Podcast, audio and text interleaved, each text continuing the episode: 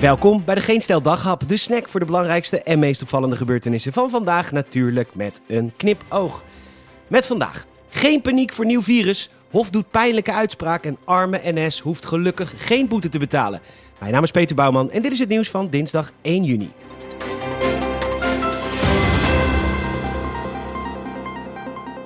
We beginnen met een enorm schokkend bericht. Maar ik wil je vragen om niet in paniek te raken, oké? Rustig, rustig blijven.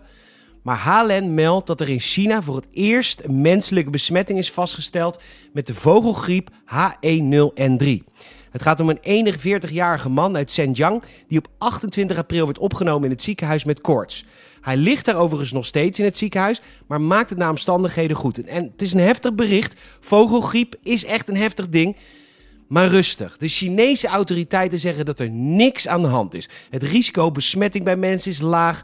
Het bronnencontactonderzoek heeft geen andere besmettingen gevonden. Dus niks aan de hand. Geen zorgen. China heeft het onder controle. Rustig maar.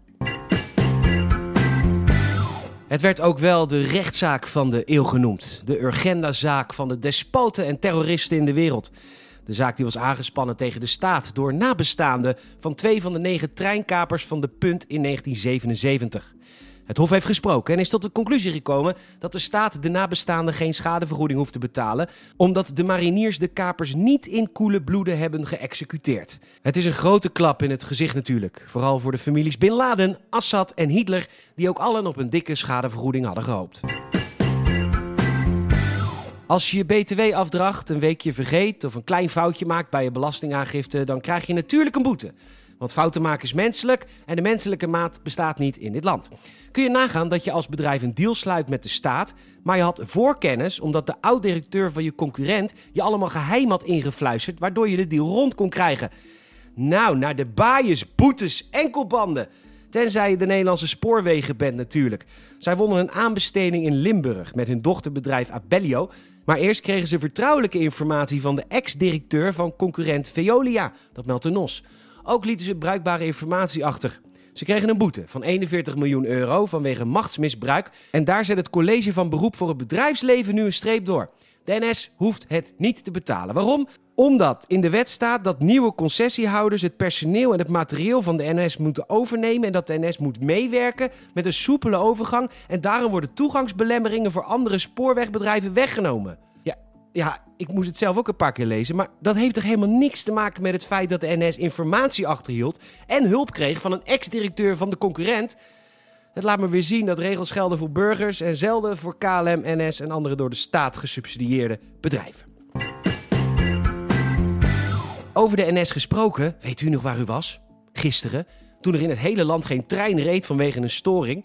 Nou, de NS wacht de parlementaire enquête niet af en is zelf aan het uitzoeken wat er gisteren toch is gebeurd. Voor je het weet is Pieter Omtzigt weer beter en zitten we binnen no time met een demissionair spoorbedrijf. Tegen de NOS laat de woordvoerder van de niet zo ProRail weten... We weten dat de storing in het communicatienetwerk voor machinisten en de verkeersleiding zat, maar het is nog niet bekend wat erin exact misging. Wanneer we dat wel gaan weten is natuurlijk niet bekend, maar gevolgen zal het niet hebben voor het bedrijf, want ja, zie vorig bericht. Niet elk bedrijf had last van corona. U mocht niks, u kon niks en u zat met de lul in de lockdown. En dus deed sekswinkel Easy Toys enorm goede zaken afgelopen jaar. En dat op de dag dat de clitoris eindelijk in het biologieboek staat. Jee, dat heeft lang geduurd. Maar jarenlange lobby heeft eindelijk zijn verboden vrucht afgeworpen. Enfin, u kocht zich in 2020 helemaal suf aan kutbrommers, piemeldingen, kontkapjes, glibberspul, vuistdildo's en overige buttcrushers. Easy Toys kreeg tijdens de lockdown 440.000 nieuwe klanten en realiseerde een omzetstijging van 95%. Nou, van harte gefeliciteerd. Oh, daar zou je ze hebben. Oh nee, dat is niet mijn telefoon. Bedankt voor het luisteren. Je zou ons enorm helpen als je een vriend of vriendin vertelt over deze podcast. En ook een Apple Podcast review zouden we echt enorm waarderen. Morgen wordt het warm. Smeer je goed in. Tot dan.